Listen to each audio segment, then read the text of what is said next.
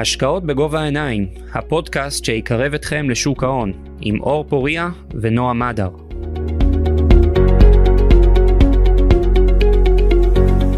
טוב, אחר הצהריים טובים, אנחנו בפרק נוסף של הפודקאסט שלנו, השקעות בגובה העיניים. אה, לצידי כרגיל אה, נועם, נועם מדר, מה שלומך? אהלן אור, מה המצב? מצוין. אה, אנחנו שמחים היום לארח את אה, דוקטור גל אביב, מנכ"ל ובעלים של בלנדר, הפלטפורמה להלוואות חברתיות. מה שלומך? שלום, צהריים טובים. מה קורה אור? מה קורה נועם? אה, אנחנו מצוין, תודה ש... תודה שהגעת אלינו. כן, באמת תודה שאתה מתארח. אה, באמת הנושא של אה, הלוואות חברתיות הוא מאוד חם היום. האמת שהוא חם כבר כמה שנים, אבל דווקא עכשיו אפילו קצת בכותרות. ועוד לפני שנצלול פנימה, רצינו קודם כל לשמוע עליך, תספר על עצמך, שנכיר אותך קצת יותר. טוב, אני גל, בן 43, אה, התחלתי את בלנדר לפני כתשע שנים, כשחזרנו מאנגליה. עשיתי שם דוקטורט אה, בפיזיקה, בתחום שנקרא אופטיקה קוונטית, היום מכירים את התחום הזה יותר בתור אה, מחשוב קוונטי. התעסקתי הרבה שק... שנים בהשקעות, בעיקר בעולמות ההון סיכון, וכשחזרנו ראינו מה קורה באנגליה בתחום של האשראי, ההלוואות החברתיות, וחשבנו להביא את הבשורה לישראל, וככה מי זה. הרבים הזה שאתה מדבר? אמ, את, את החברה הקמתי עם אחי, עם בועז ועם ברק גור, ויחדיו אה, לקחנו את המשימה הזאת בשנת 2014, להרים את אה, בלנדר. אתם בעצם הייתם הראשונים בתחום בארץ? היינו בין הראשונים, היה שלוש חברות שהתחילו די במקביל, אנחנו התחלנו את העבודה על הפיתוח והטכנולוגיה שנה קודם לכן, ב-2013 עוד. אמ, החזון מאחורי בלנדר היה קצת אה, שונה משאר התעשייה, בעצם בלנדר היא חברה בינלאומית, היא פעילה גם באירופה וגם בישראל, היא מאוד מאוד התפתחה בעצם ממה שהיה בהתחלה, כי התחלנו בעצם כפלטפורמת P2P בלבד. אמ, הרעיון היה בעצם לחבר בין אה, לווים ומלווים, בין מדינות באירופה וישראל שקשה להשיג בהם אשראי, או שעלות האשראי בהם גבוהה, למדינות שעלות האשראי בהם היא יותר נמוכה, דוגמה, תחבר בין גרמניה לבין איטליה. אה, לשנים, לימים. החברה התפתחה והשתנתה, היום חברה גדולה וחזקה, היא עובדת הרבה מאוד עם השוק המוסדי בעיקר, גם עובדת אה, עם הציבור בפיר טו פיר, אבל יש שיתוף פעולה עם בנק הפועלים, יש מוסדיים גם באירופה וגם בישראל שפועלים איתנו, אה, יש בנקים שפועלים איתנו, בעצם החברה מאוד מאוד מבוזרת בדרך שהיא פועלת היום, והתפתחה גם כן אה, לתחומי פעילות חדשים ונוספים, שבטח נדבר עליהם. אולי באמת אה, ככה תסביר למאזינים שפחות מכירים את המושגים, מה, מה, מה הכוונה כשאתה אומר פלטפורמת P2P, ולעומת על השיתוף פעולה עם בנק הפועלים שקיים. אז בעצם פלטפורמת P2P היא רעיון רומנטי ויפה שעובד בצורה די, אה, די מדהימה ומאפשר, איך אנחנו אומרים באנגלית? to cut the middleman. בעצם מצד אחד יש אה, אנשים שרוצים להשקיע את כספם ולקבל תשואה עדיפה לכסף שלהם, ומצד שני יש אה, אנשים שרוצים לקבל אשראי. וכמו שאנחנו רואים שקורה במערכת הבנקאית, העלות של הפקדונות נשארת מאוד מאוד נמוכה, והעלות של האשראי עולה בהתמדה עם ריבית הפריים ואפילו מעבר, ומי שבאמצע לוקח את כל התשואה. P2P אומר בעצם משהו כזה, בוא, let's cut the middleman, בעצם כשכל הריבית תעבור לצד אה, שמביא את הכסף ושהוא יוכל ליהנות, כאשר הפלטפורמה יושבת באמצע, והיא בעצם מנהלת את כל המערכת.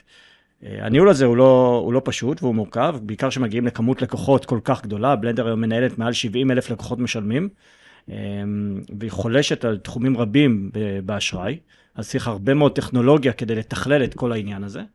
אה, וזה אחד היתרונות של ה-P2P, בעצם לקחת ולהכניס תחרות למערכת היחסית מיושנת אה, שיש לנו, בעיקר בישראל.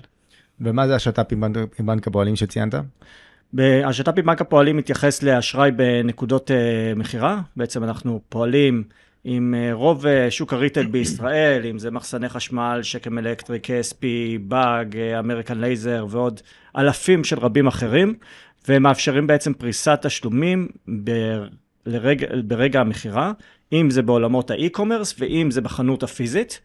אה, זה בעיקר מתאים לרכישות גדולות, אנחנו לא מתחרים ראש בראש בחברות כרטיסי האשראי לרכישות הקטנות, אלא מתי שאתה מגיע לרכישה יותר גדולה, שבה מסגרת האשראי מהווה איזושהי אה, מגבלה, אתה יכול לפרוס את אותן רכישות גדולות וחד פעמיות על פני 12, 24, 36 תשלומים.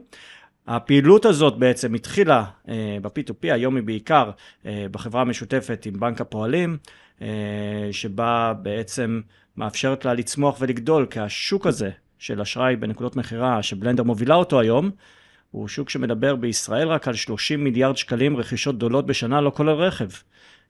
ולכן גדלנו ורצינו שותף שיוכל לעזור לנו, שנקרא, בצד המקורות, ולגדול ולצמוח גם בשוק, ה... בשוק הריטל בישראל. תראה, אנחנו נמצאים בתקופה שהיא די, אה, נקרא לזה מעניינת, או יש שיגידו גם מאתגרת לחלק מחברות ה-P2P. אנחנו יכולים להגיד שאנחנו רואים בשבועות האחרונים קשיי נזילות בטריה, עצירת פדיונות בפגאיה, עצירת פדיונות בפניקס, P2P. אמ, היה מעניין אולי לשמוע איך אתה רואה את הדברים, את התקופה הנוכחית, או, ומה בעצם היתרון של בלנדר, ש, שבו אתה אומר, אוקיי, אצ, אצלנו זה לא יקרה. אז אני תמיד אומר שאני אה, מגיע מחיל אוויר, אז תמיד, you need to check the six, אנחנו אומרים תמיד, תמיד תבדוק מה קורה, ותמיד תהיה מוכן למה שלא יקרה. אז uh, התקופה היא לא פשוטה, זה נכון, uh, צריך להתכונן, אבל צריך להבין שיש גם ורסטיליות ושונות גדולה מאוד בין חברות הפיר טו פיר השונות. כי יש חברות שמתעסקות למשל בשוק האמריקאי, ויש חברות שעובדות דווקא בשוק האמריקאי בסקטור של לקוחות שהם uh, מוגבלי אשראי, ויש חברות שמתעסקות בקבוצות רכישה בעיקר, ובלנדר בחרה uh, להיות בתחום של אשראי לרכב, אשראי לרכישת מוצר, אשראי לכל מטרה. זה אשראים שיחסית בטוחים, המח"מים שלהם קצרים, אנחנו מדברים על מח"ם באזור השנה וחצי, והיכולת בעצם, לכן, להנזיל היא יחסית טובה. לדוגמה, שאתה עובד בתחום הנדל"ן או קבוצות הרכישה, יש לך התחייבויות קדימה לתקופות ארוכות, שגם אתה חייב, מה שנקרא, להוסיף כסף הלאה לפרויקט, ואם אתה לא מוסיף, אתה נקנס כספית. וגם אתה לא מקבל החזרי קרן לאורך הדרך. בלנדר לא עובדת בשיטה הזאת, בלנדר עובדת מול, הש... מול השוק הצרכני, ולכן הנזילות פה היא יותר טובה. אנחנו הוכחנו את זה גם לאורך הדרך, כשהיה את uh, משבר הקורונה, uh, מעל 40 מיליון שקלים נפרעו מבלנדר בטווחי זמן יחסית קצרים, uh, בשונה מרוב השוק. ואנחנו הראינו שאנחנו יודעים לספק נזילות לאורך כל הדרך. כמה כסף אתם מנהלים היום בפלטפורמה? אנחנו מנהלים uh, מעל 730 מיליון שקלים כיום uh, בפלטפורמה. בפלטפורמה, וסליחה, ובשאר ערוצי האשראי של בלנדר. עכשיו, זה מה שמוגדר מיקרו-לונס, ההיקפים האלה, או שזה מעל? לא, אנחנו מעל. אנחנו בעיקר פונים לשוק הפריים. אה, מיקרו-לונס זה הלוואות של אה, אה, מאות בודדות של דולרים. אנחנו בהלוואות גדולות יותר, בעשרות אלפי שקלים להלוואה הממוצעת. בשוק הרכב זה מאות אלפי שקלים, או מעל מאה אלף שקלים, בוא נאמר. עכשיו, אם אני מבין נכון, זה בעצם אם אנחנו לוקחים רגע את הנושא של השת"פ עם בנק הפועלים, זה אומר שאתם, בן אדם בא, מחסני חשמל, סתם לדוגמה, בא לקנות איזה מכונת כביסה, וזה טיפה לוחץ לו על מסגרת אשראי, אומרים לו, תשמע, יש לך אפשרות, בוא תיקח מאיתנו את האשראי בריבית X, שאני מניח שהיא יותר גבוהה מריבית בדרך כלל שהוא יכול לבוא ולקחת, ופורסים לו את זה בצורה שהוא באמת יוכל לעמוד בהחזר הלוואה. נכון. אז בעצם רוב הלקוחות הישראלים אין להם אפשרות לבצע רכישות גדולות היום, אה, בגלל מגבלות במסגרת האשראי. אה, ורכישות גדולות זה, אתה מגיע לרכישה של 10,000 שקלים, 7,000, 20,000 שקלים, אתה נתקע שם. ולכן הפתרון הזה הוא כל כך נחוץ, הוא לא נחוץ רק בישראל, הוא נחוץ לכל העולם, והוא מאפשר תוך שניות בודדות בעצם, המערכות של בלנדר יודעות בעזרת התחת מידע מאוד מתקדמת להבין מי הלקוח שעומד מולה, והאם לאשר את, ה, את פריסת התשלומים או את ההלוואה או לא לאשר, ולהעמיד את הפתרון בצורה מיידית בנקודת המכירה. אם זה בקופה הרושמת או אם זה באתר ה e-commerce, וזה ממש מביא בשורה לשוק, כי זה מאפשר לבצע את אותן רכישות גדולות בלי להיכנס לאוברדרפט, ואנחנו יודעים שאוברדרפט זה עלות האשראי הגבוהה ביותר שקיימת בשוק. אגב, אם ניקח את זה צעד קדימה, כל התחום של אשראי צרכני בעצם, אה, לדעתי הולך להשתנות בזכות, בזכות הפרויקט הזה, כי אנחנו בעצם, לוק... למה אנחנו לוקחים אשראי מראש? אנחנו לוקחים אשראי בדרך כלל כדי לבצע רכישות. אנחנו לא לוקחים אשראי כדי, כדי שיהיה לנו כסף בבנק. אבל ב-Buy Now Pay אתה יכול לקחת את האשראי בזמן שאתה צריך, בדיוק במקום, בכמות שאתה צריך, ובפריסת תשלומים שאתה צריך. ובסוף היום יוצא שהעלות שאתה משלם על אותו אשראי משמעותית יותר נמוכה, כי אתה מקבל בדיוק את הסכום. לא עשרת אלפים שקלים יותר, לא חמשת אלפים שקלים יותר, בדיוק בזמן, ובפתרונות של בלנדר אתה יכול לצאת בכל רגע נתון בחינם. זאת אומרת, יש לך עכשיו כסף שאתה יכול לזכור את ההלוואה, בחינם אתה יכול לזכור אותה ולהתקדם הלאה. ולדעתי זה הולך להחליף את uh, תחום האשראי לכל מטרה uh, בהמשך הדרך, לשם לפחות זה החזון שאני uh, צופה אליו. מה הגובה אולי של ההלוואות הממוצעות, ש... שיש מינימום, יש מקסימום? כן, יש מינימום, אנחנו לא רוצים להיות ברכישות הקטנות, זה לא, מיוע... זה לא מוצר שמיועד לרכישות בסופר, זה מוצר שמיועד לרכישות גדולות. אחרת אנחנו חוטאים למטרה וליוזמה, אני בעד תמיד קרמה טובה. אני שואל כן. בכללי על בלנדר, כן. עזוב רגע את בנק הפועלים. לא, לא, לא, בפתרון שלנו ביחד איתם. ולכן הרכישות הן מאלפי שקלים אה, בודדים, אבל אנחנו רואים שהממוצעים הם יותר, הממוצעים, זה תלוי בסגמנט. מעל עשרת אלפים שקלים, אה, יש סגמנטים שהם יותר יקרים, בתחום הקוסמטיקה זה יותר, אה, באופנועים זה הרבה יותר. אנחנו מחולקים על הרבה תחומים, אם זה מכשירי חשמל, אופנועים, קוסמטיקה, טיפולים רפואיים, you name it. אה, ש- שאלה באמת, אה, ציינת איזשהו פתרון טכנולוגי נקרא לזה, שאתה רואה בו את ה-added value, אולי את ה-edge שלכם אל מול המתחרים. אני חייב להגיד שהיום זה מילת הקסם, אה, יש לנו איזה פתרון טכנולוגי שבזכותו אנחנו יודעים לעשות X יותר טוב מאחרים. נכון. בוא תרחיב על הפתרון הטכנולוגי שלכם ולמה הוא באמת יותר טוב משל אחרים, לדעתך. אז בסוף, בעצם בסוף, למה אנחנו צריכים טכנולוגיה? הרי אם היינו יכולים לעשות את הכל במכולת עם דף ועט, את כל הפעולות, אז הכל היה בסדר ולא היינו צריכים מחשב. אבל כאשר אנחנו נמצאים היום, אנחנו בעצם בסיטואציה קצת אחרת, הדורות השתנו בסוף היום. אם דברים שאנחנו היינו מוכנים לקבל, זאת אומרת שלמשל שנצטרך לחכות שיבצע איזה תהליך פיננסי, הילדים שלנו כבר לא, ובטוח שלא האחים הצעירים שלנו לא מוכנים אה, אה, לחכות לו. ו... מוצרים פיננסיים היום בעצם צריכים להנגיש את עצמם לא רק בקבועי זמן מאוד מאוד קצרים, אלא גם פיזית באותן נקודות שהן חלק מחיי היום-יום שלנו. אני לא מאמין בעולם שצריך בעצם לגשת לבנק או לאיזה מוסד פיננסי כדי לקבל שירות פיננסי. את השירות הפיננסי אנחנו צריכים לקבל כחלק מהחוויה היומיומית שלנו, מתי שאנחנו צריכים אותה. במקרה של, אה, במקרה של Blender Pay, בעצם החוויה שאתה מחפש זה היכולת לבצע רכישות גדולות. בעצם זה המטרה. ועכשיו פיתחנו product שלם, שהוא חי גם בעולמות של ה e-commerce, וגם בעולמות של החנויות הפיזיות, שמאפשר בעצם לבצע את אותן רכישות ולבצע את הפריסת תשלומים. כאשר מדובר בלקוחות שאנחנו פוגשים אותם בפעם הראשונה, בעצם, בחנות, וצריכים תוך שניות בודדות לקבל החלטה האם אנחנו מאפשרים להם לבצע את הרכישה, או לא מאפשרים להם לבצע את הרכישה, כאשר בלנדר לוקחת עליה את כל סיכון האשראי בסוף היום. ולתכלל את כל הרכישה הזאת למול הריטיילר שצריך לקבל את הכסף שלו. אה, מדובר בעשרות אלפי לקוחות, במאות פעולות ביום, אם לא אלפי פעולות ביום, שהן רצות אה, בקצבים מאוד גבוהים. ו... אה, ופה נכנסת הרבה מאוד טכנולוגיה. מצד אחד, להבין שאין פה מקרה הונאה.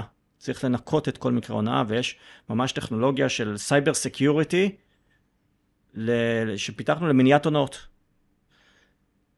מהצד השני יש צריך להבין מה יכולת ההחזר של הלקוח באותה שנייה וחצי שיש לנו לקבל את ההחלטה. מה יכולת ההחזר של הלקוח.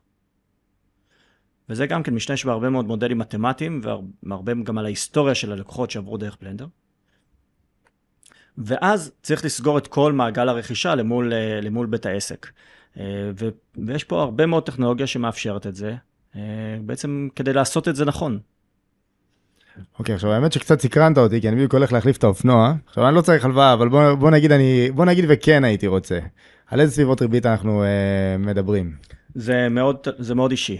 אה, זה מאוד אישי, זה גם תלוי איפה אתה קונה את האופנוע, וזה גם תלוי אה, בך, זה גם תלוי בסוג הרכישה. אה, בסוף אנחנו צריכים לנהל את הכספים עבור המשקיעים שלנו, עבור המלווים שלנו. עד היום אנחנו מצליחים להביא תשואות מאוד טובות עם אחוזי כשל יחסית מאוד נמוכים לתעשייה. אה, הדיווח האחרון שלנו על הכשלים בישראל דיבר על מתחת ל-2% כשל.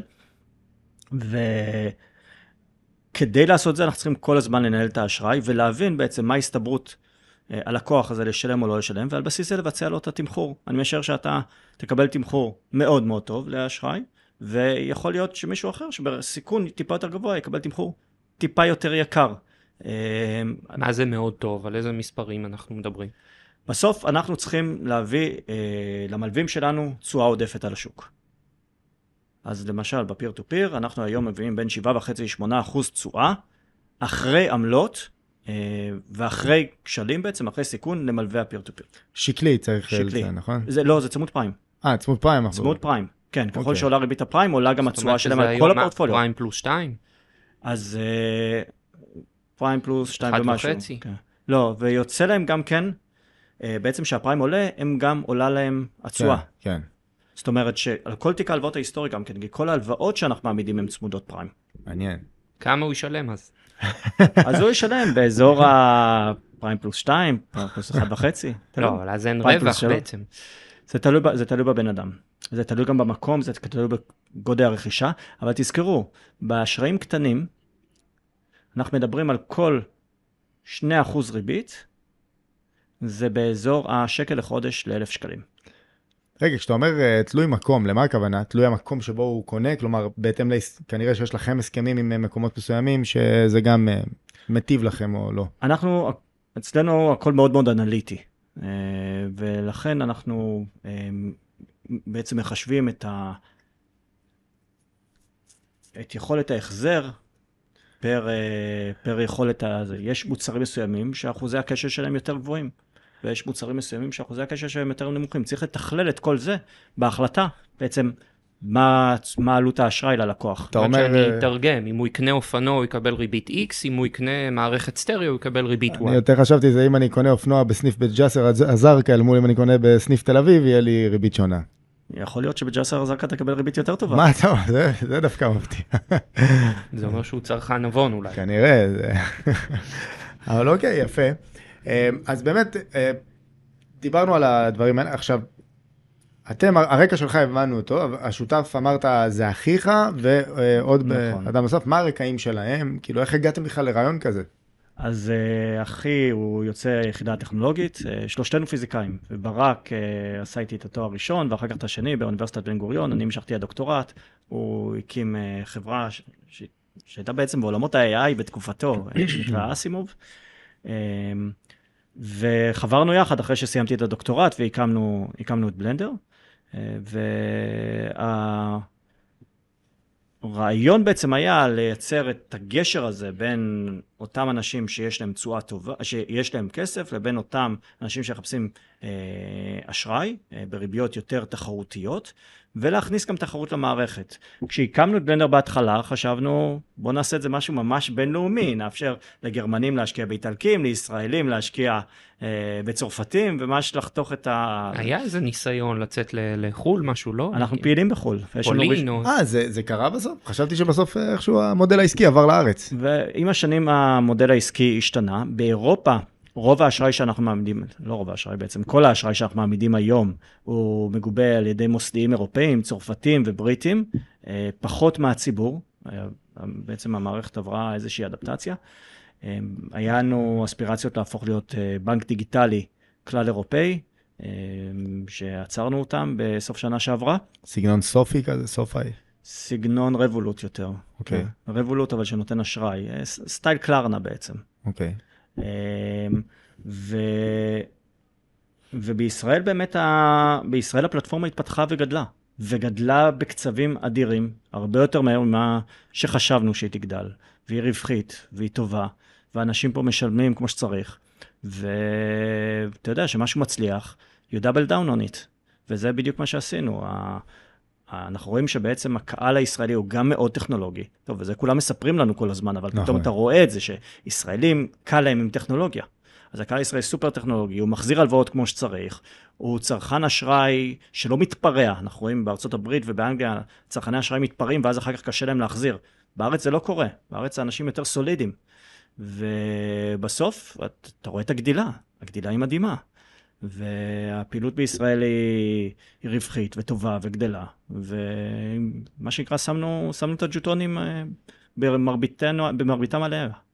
מה השעבודים שבעצם אה, צרכן שלוקח הלוואה צריך להעמיד לכם?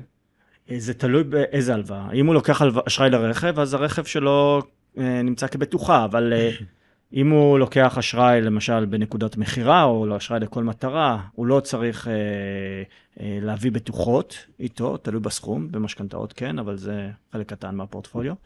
אה, אבל ניהול הסיכונים הוא כזה, שבעצם א', אנחנו בוררים את הלקוחות טוב, ומהצד של המשקיעים, יש, בין- באיזשהו, יש buffer בעצם בינם לבין ה, אה, הלווה, וה buffer הזה זה קרן הביטחון. יש לנו קרן שמוחזקת בנאמנות, שאנחנו מפרישים לה מראש ביום הקמת ההלוואה את הסכום שהמערכת שלנו בעצם אומרת, זה רמת הסיכון של הלקוח, פלוס עוד איזשהו אקסטרה. והקרן הביטחון הזאת, שגם כן יש עליה עוד ביטוח חיצוני בחברה זרה, חברת ביטוח זרה שמגינה אה, כשכבת הגנה נוספת, אה, מאפשרת בעצם סיטואציה שעד היום, תשע שנים, אף מלווה לא הפסיד ולו אגורה אחת בפלטפורמת בלנדר. היתרון הגדול ביותר של קרן הביטחון זה בעצם שאנחנו מפרישים אליה בכסף אמיתי מראש את כל הסכום. והגישה היא כזאת, הגישה, הגישה שלנו היא כזאת. אני מעדיף שבן אדם ירוויח פחות חצי אחוז ריבית, אבל לא יהיה לו עשירית אחוז כשל. כי פסיכולוגית, אנחנו יודעים להרוויח פחות בצורה קלה, מאוד קשה לנו להפסיד. ו... ולכן כל, כל המתודיקה מאחורי בלנדר בעצם בנויה על זה ש... אמ, שאנחנו מנסים לעשות אופטימיזציה בין רמת הסיכון לתשואה. ועד היום זה מוכיח את עצמו. אוקיי, okay, אז באמת, אה, אם כבר ציינת את הנושא של רמת סיכון מול תשואה, כשקמתם, הריבית העולמית הייתה אפס, לאורך תקופה לא, לא, לא קצרה. את כל הבסיס שלכם בניתם בעולם כזה. אה, לעומת זאת, אתם צריכים כבר אה, שנה, שנה וקצת, להתחיל להתמודד באמת עם ריביות אחרות. אם אמרנו, אמ, אמרת לא מזמן פריים פלוס 2, אז פריים פלוס 2 עד, לא, עד, לא, עד לפני רגע היה 2, 3 אחוזים. ועכשיו אנחנו מדברים כבר אה, על 7, אה, 8, כאלה, זה, זה הסביבה. אה, איך אתה מרגיש היום שרמת הביטחון שאתה יכול להציע ללקוח הולמת את העובדה שהאלטרנטיבה שלו היא 5% בבנק, נקרא לזה 0% סיכון, אל מול מה שאתם מציעים? היום, א', השתנו, השתנו פני העולם, אם בעבר באמת הלקוחות היו מקבלים 0 או אפילו מינוס אחוז בבנק, היום הם לא מקבלים 5, הם מקבלים כמה אחוזים פחות, אבל הם עדיין מקבלים תשואה שהיא לא רעה בכלל במערכת הבנקאית, ואני עכשיו צריך לבוא ולהסביר להם למה עדיף לעבוד עם בלנדר ולא לעבוד במערכת הבנקאית. אז א', בסוף יוצא שאנחנו, שבבלנדר, אחרי עמלות, אחרי הכל, התשואה היא 7.5 אחוז ו, אה, וצפונה. אבל בסוף אתה מקבל תשואה של יותר מכפול בבלנדר מאשר במערכת הבנקאית, ואני אסביר לכם למה. כשאנחנו מסתכלים על האשראי, על הפקדונות במערכת הבנקאית, אנחנו כל פעם רואים כל מיני פרסומות וכל מיני, תשים את הכסף עכשיו, תקבל 7% לשנה וחצי. מה זה 7% לשנה וחצי? מי סופר ריביות בשנה וחצי? הרי זה כל מיני המצאות כאלה כדי לעשות אה, לנו איזה מסך עשן. וכשאנחנו נועלים את הפיקדון, הריביות הגבוהות יותר במערכת הבנקאית, בעצם זה פקדונות נעולים, כשיש שינוי בריבית הפריים, אנחנו לא נהנים ממנה. אז בסוף יוצא שנעלת, חשבת שהתשואה היא מאוד טובה ב-2.5-3 אחוז לפני uh, שנה, אתה תקוע ב-2.5-3 אחוז, אבל בבלנדר כבר עלית ל-7.5 אחוזים. למה? כי כל ההלוואות שניתנות הן על פי, על פי פריים, ובעצם על בסיס פריים, וזה מאפשר בעצם לעליית התשואה לאורך הדרך. בסוף אנחנו רואים שזה אפיק התשואה הסולידי שמביא את התשואה הטובה ביותר היום בשוק. אמ, וזה יתרון גדול.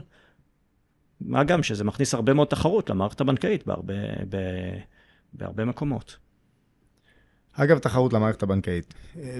זה, אנחנו שומעים את זה לא רק מכם, שומעים את זה גם מחברות האשראי חוץ-בנקאי. זה, זה נושא שעולה הרבה. אומרים, הפוטנציאל הוא פשוט מטורף, אין, זה, זה, אנחנו לא מגרדים את ההתחלה. כן. איך אתה רואה את פוטנציאל השוק באמת? אנחנו רואים שהגידול הוא משמעותי. יש חברות בוא, בוא נעשה הפרדה בין חברות שהן מתנהלות יותר כמו חנות מכולת וחברות uh, טכנולוגיה. ובסוף, אתה יודע, כשאתה מגיע לכמות לקוחות כל כך גדולה, והיום בלנדר מנהל מעל 70 אלף לקוחות משלמים, אם אין לך טכנולוגיה, אתה מוצף בכוח אדם. Uh, ואי אפשר באמת לתת שירות כמו שצריך. כדי שאני אוכל לתת לך תשובה תוך שניות בודדות, וכל פעולה כמעט שאתה רוצה לעשות, תוכל לעשות באופן אוטומטי באתר אינטרנט, ולא תצטרך לדבר עם אף אחד, זה צריך מערך טכנולוגי מאוד מאוד משמעותי. ואני חושב שזה היתרון הגדול של בלנדר. היכולת מאחורה לייצר אה, מוצרים פיננסיים מהירים, איכותיים, בצורה טובה, ולנהל את הכשל בצורה מאוד איכותית. זאת אומרת שאנחנו יושבים היום על אחוזי אי תשלום יחסית מאוד נמוכים, מתחת ל-2% בישראל, בתקופה מאתגרת כזאת. כלומר, עד היום לא הגעתם למצב של אה, צורך במימוש שעבודים, אם אני מבין נכון. בתחום הרכב יוצא לנו לממש יוצא. רכבים, בטח. אבל אנחנו יודעים, זה חלק, זה חלק מהעשייה היומיומית של חברת אשראי. אבל יש לנו את המערכים שיודעים לבצע את המימוש שעבודים האלה, ועושים אותם טוב. אה, בסוף היום, אני תמיד אומר שזה קודם כל למי אתה נותן. כן. יש, יש חברות שמסתמכות על זה שהן יודעות לממש את הבטוחה. אז זה נורא נחמד שאתה בא לממש את הבטוחה, אבל בואנה, בינינו, מי יכול להוציא משפחה עם שלושה ילדים מדירה? בינינו, אז אתה אה, אומר, יש. יש לך בטוחות נדל"ן, יופי, ומה תעשה עם זה? כאילו, הרי אף בית משפט לא הוציא אף אחד באף בית. אז בסוף אתה צריך לדעת למי אתה נותן ולא להסתמך על הבטוחה. וגם כן, אם אתה צריך, אז בטוחה של רכב הרבה יותר קל לממש מאשר אה, בטוחות אחרות. אתה מכיר את הסרטונים האלה מהטוויטר של אה, איזה חייל בא עם איזה BMW? הוא אומר, כן, זה הכל אה, מימון, מה אכפת לי, שהוא עבד על הרכב, מה? אז כן. כאלה, זה... נכון, וזה מאוד חשוב גם מה היחס, למשל, שאתה נותן את אותה אשראי לרכב, מה אחוז המימון? מה אחוז המימון שנתת? יש כל LTV. חברות, כן. יש חברות שמממנות את הרכב אה, במלואו, ואחר כך אתה מגיע למימוש, ומה מה קורה?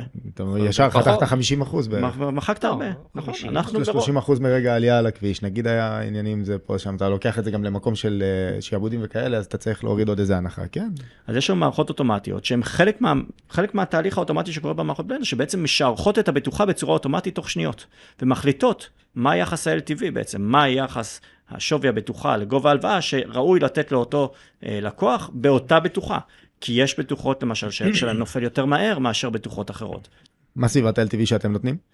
אנחנו באזור, בממוצע הוא באזור ה-80 אחוז. אוקיי. אבל זה פרוס רחב, זה בין 0 קילומטר לבין אה, אשראי אה, לרכבים שהם יותר מבוגרים גם כן, אז יש לך את כל המשרעת הגדולה הזאת. אוקיי, מעניין מאוד. עכשיו, כיום, מה, על מה אתם מסתמכים בעיקר כדי להביא לקוחות? זה סוכנים, זה גידול טבעי? כי בסוף יש שוק לזה, אנשים יודעים מה זה הלוואות P2P, אה, התחום גדל, אנחנו נתקלים בזה הרבה. אה, מה, מה המודל שלכם מבחינתכם לצמיחה? איך אתם רואים את זה קורה וממשיך לקרות? בעצם כל עולם הפיננסי עובר תהליך שינוי מהותי. והשינוי הזה נקרא B2B2X. זאת אומרת, business to business to X. מה זה X? או customer או other business. וזה אומר שאת המוצרים הפיננסיים שלנו, אם זה אה, תשלומים, ואם זה מסחר בשוק ההון, ואם זה ביטוחים, ואם זה הלוואות, אנחנו נקבל בנקודת הזמן שאנחנו צריכים את המוצר, למשל, אתה, אתה קונה רכב, את הביטוח תקבל embedded כחלק מה, מפעולת הרכישה.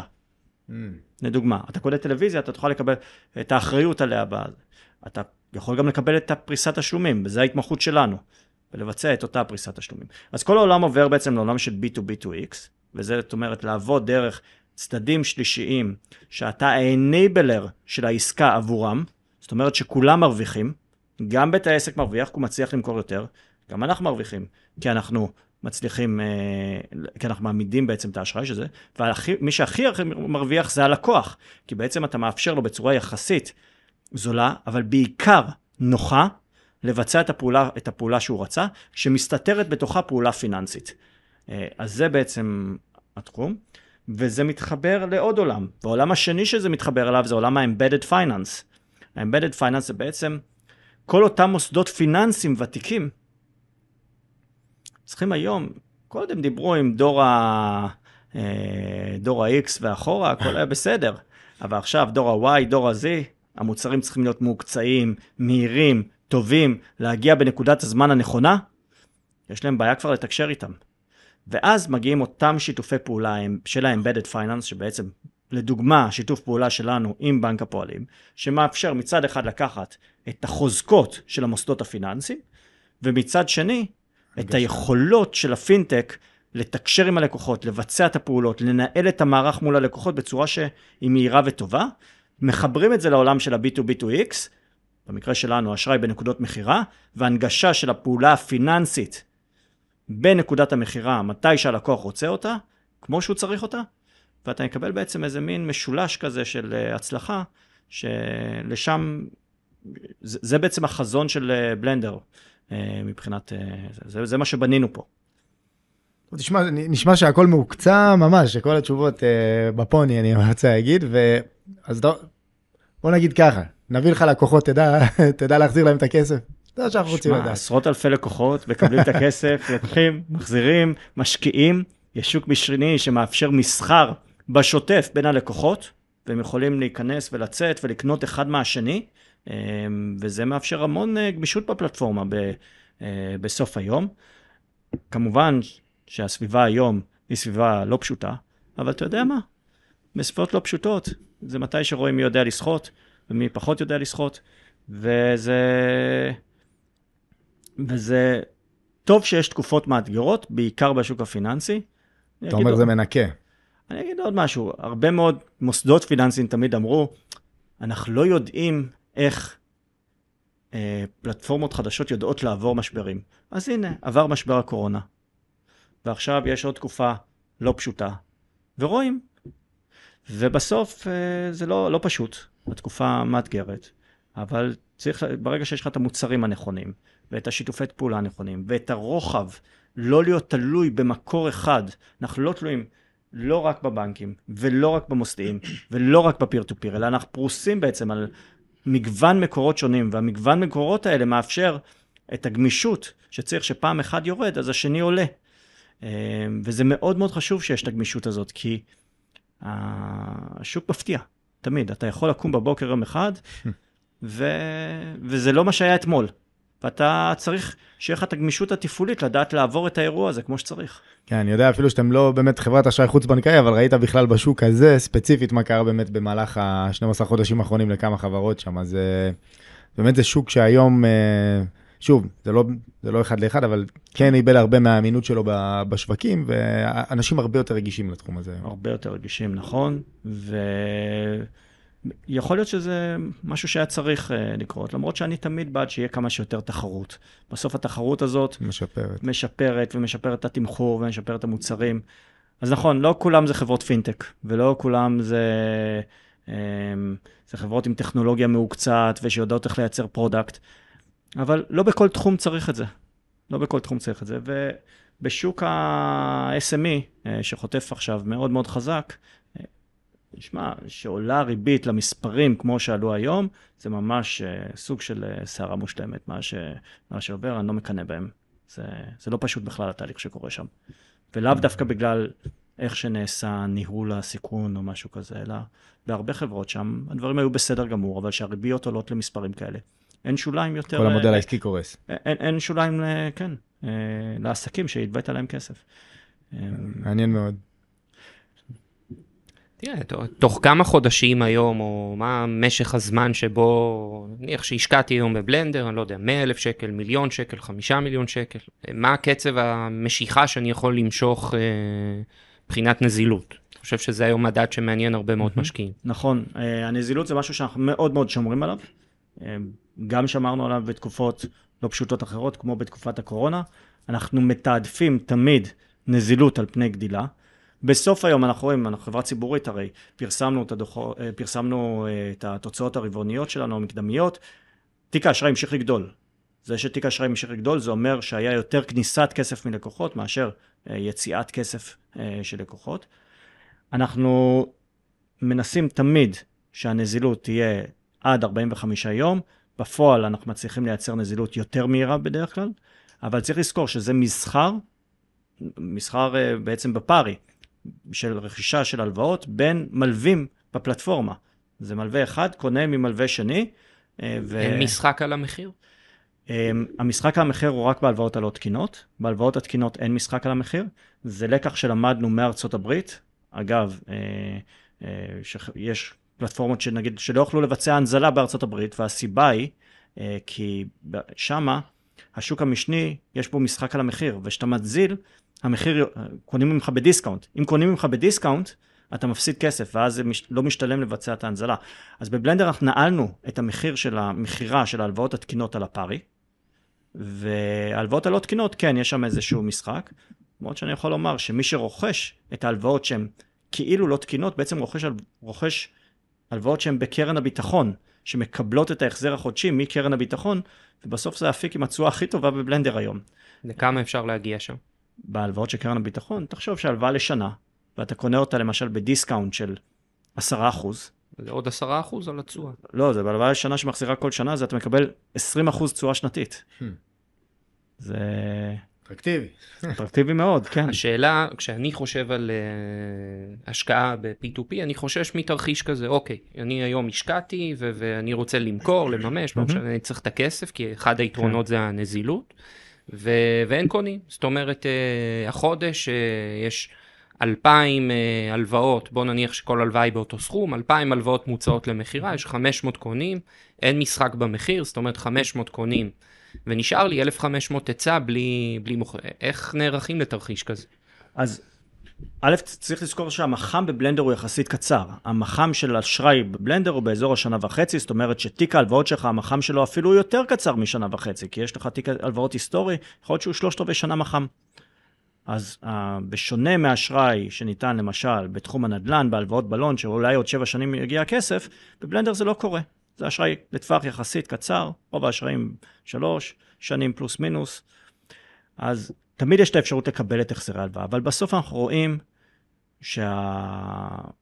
שהשוק הזה, לפחות אצלנו, מנוהל בצורה כזאת שהכסף שהמשקיעים מונזל בתקופות זמן יחסית קצרות. אבל אני תמיד אומר, אה, זה לא אפיק השקעה בשביל להיכנס לחודש-חודשיים. זה אפיק השקעה של לפחות שנה שאתה יכול לשים את הכסף. ואנחנו מנהלים את, ה, את הפלטפורמה בצורה כזאת שאנחנו תמיד נותנים עדיפות למי שרוצה לקבל את הכסף חזרה על, בס... על חשבון צמיחת הפורטפוליו. יש לנו הרבה מקורות שונים, יש לנו גם בנקים שאנחנו עובדים איתם, גם מוסדיים, גם בארץ, גם בחו"ל. אה, שמאפשר לנו בעצם את אותו גמישות אה, בפלטפורמה, ולכן אנחנו יותר קל לנו לייצר את הנזילות הזאת ולהמשיך את הגידול של בלנדר במקביל. היה מעניין אתכם אולי לרכוש uh, תיקי אשראי כאלה מחברות שהיום בקשיים כאלה ואחרים? אם תיקי אשראי יהיו מתאימים לפרופיל הסיכון שאנחנו רגילים לעבוד בו, אנחנו פתוחים לזה לגמרי, כן. כן, זה... תחשוב איזה מודל, זה, זה מודל מאוד שונה מהרבה אחרות, אז אני ספק כמה, כמה יש לכם אה, אופציות כאלה בשוק, אם אני ככה מריץ לעצמי מהר. אנחנו, אני חושב שבתקופות כאלה, המח"מים היותר קצרים הם, הם יתרון. אה, הם יתרון. נכון שבתקופות אחרות אתה כאילו הפורטפוליו שלך גדל יותר לאט. כן. כי ההלוואות מחזירות את עצמם, ואתה כל הזמן, כן. אתה מעמיד הרבה חדש, אבל כל ההלוואות מחזירות ומייצרות לך ריבית, אה, קרן שחוזרת פנימה למערכת כל הזמן. אבל שטוב, אז זה נורא קל לכולם. תראה, היום... החכמים הקצרים האלה בתקופות ארוכות, אה, ב, סליחה, בתקופות יותר קשות, מייצרות לך יתרון משמעותי. היום כשאנחנו מנתחים קרנות חוב, אנחנו מאוד נירתע מקרן שהיא מח"ם של 3-4 שנים, כי אתה אומר, יש שם הלוואות שניתנו בריבית אפס, והתיק הנוכחי לא משקף את תנאי השוק. כן. אה, אז פה דווקא מח"ם קצר, זה באמת יתרון מאוד גדול. שוב, אתה יכול גם להגיד שבמזנין יש מח"מ קצר, אז אתה יודע, זה תלוי באמת... הכל 100% פריים. אם הריבית תרד, אז זה יכול להפוך לחיסרון. אמ, אני לא חושב שיש היום אפיק תשואה שנותן את גובה התשואה, את גובה הספרד מהפריים כמו שבלנדר נותן, אה, מה שנקרא אפיק תשואה סולידי בוא נגיד. כמעט בכל אפיק אחר שהיית בוחר בשנה וחצי האחרונות לשים את הכסף, היית מקבל משמעותית תשואה יותר נמוכה. נכון. גם במערכת של ריבית עולה. גם במערכת הבנקאית, גם בשוק ההון במניות היית מפסיד כסף, במניות בשקלים היית מפסיד כסף, אה, או מרוויח הרבה פחות. אה, באג"חים, פער התשואות גרם בעצם כן. לירידת, כן. לירידת שווי הקרן ועליית הקופונים, אבל בעצם היית יושב באג"ח והיה יורד לך שווי הקרן, אז... ובסוף זה, זה היתרון של, של פעילות כזאת, של, של מוצר כזה בעצם, שאין לך ירידה של שווי הקרן ויש לך, ואתה נהנה מעליית הריבית. מעניין מאוד. נוסף? לא, אני חושב שבאנו עם הרבה שאלות וקיבלנו אה, תשובות מצוינות. היה מאוד מעניין, אני חייב להגיד, למדתי פה הרבה על התעשייה ובטח על החברה. אה, תודה רבה, גל. תודה רבה גם לכם. תודה שהתארחת אצלנו. בשמחה רבה. תודה שהייתם איתנו. תוכלו להאזין לנו בפלטפורמות הפודקאסט הנבחרות, אפל, ספוטיפיי וגוגל.